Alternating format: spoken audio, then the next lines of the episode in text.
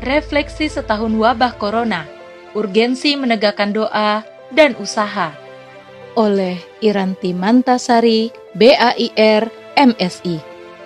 Seperti yang dapat dirasakan oleh seantero negeri, pandemi yang sudah melewati haul pertamanya kini masih istiqomah di tengah masyarakat.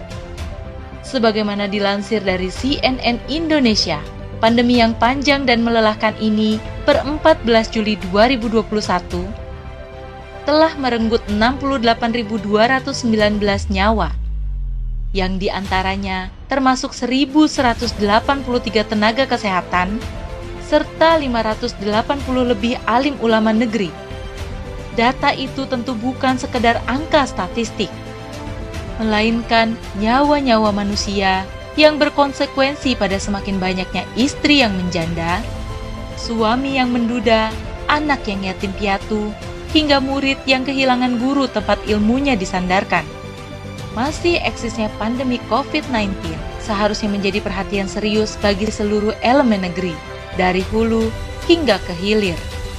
Hal ini tentunya menjadi keharusan, mengingat masih banyaknya pihak yang menunjukkan ketidakpeduliannya untuk mengakhiri pandemi ini. Berbagai upaya sudah berusaha dilakukan untuk menghentikan laju penularan virus ini. Salah satunya adalah dengan imbauan untuk melakukan doa bersama keluarga, mulai dari level RT hingga pemerintah pusat. Tentu ini adalah inisiasi yang baik, namun tetap perlu mendapatkan catatan bila memang benar-benar mengharapkan agar pandemi segera usai. Pemahaman yang tidak menyeluruh terkait doa akan bisa melahirkan fatalisme, yakni orang-orang yang berpasrah pada keadaan dan enggan menegakkan ikhtiar. Padahal dalam kondisi pandemi seperti hari ini, pemahaman utuh tentang penanganan wabah harus terkristalisasi di benak setiap orang, baik rakyat maupun penguasa. Pemahaman yang benar tentang penanganan wabah ini tentu datangnya dari para ahli dan pakar terkait. Bukan serta-merta datang dari siapa pun yang memegang kendali kuasa. Akan tetapi, setahun sudah pandemi ini berlangsung, fakta yang terjadi di lapangan amatlah tidak ideal warga masih banyak yang abai terhadap protokol kesehatan yang dianjurkan para ahli untuk menekan penyebaran virus.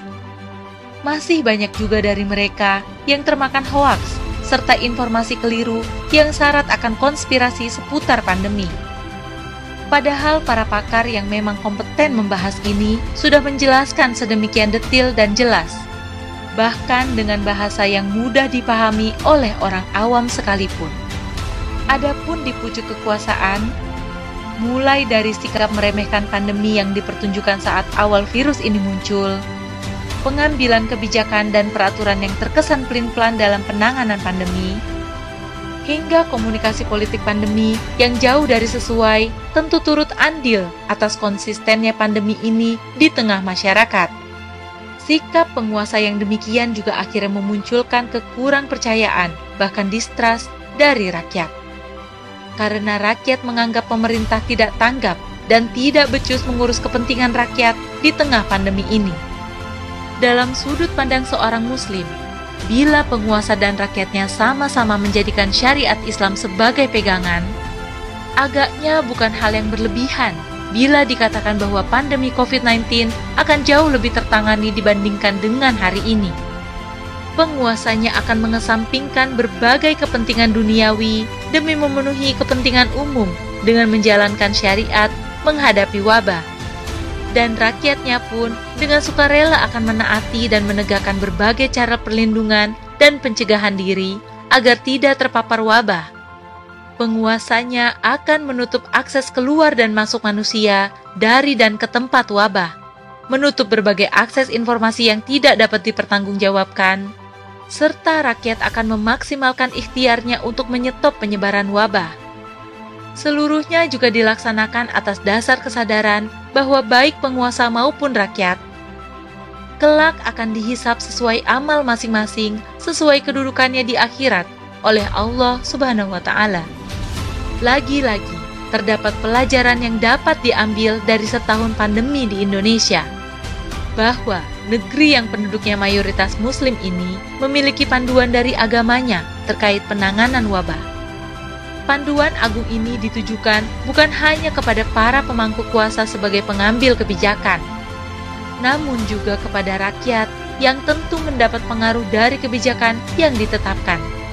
Bila panduan syar'i ini diterapkan oleh mereka yang di atas dan yang di bawah dengan penuh keseriusan, kerjasama, serta kesadaran akan telitinya perhitungan Allah di hari perhitungan nanti, maka salah satu tujuan dari diterapkannya syariah, yakni untuk menjaga jiwa, akan tercapai.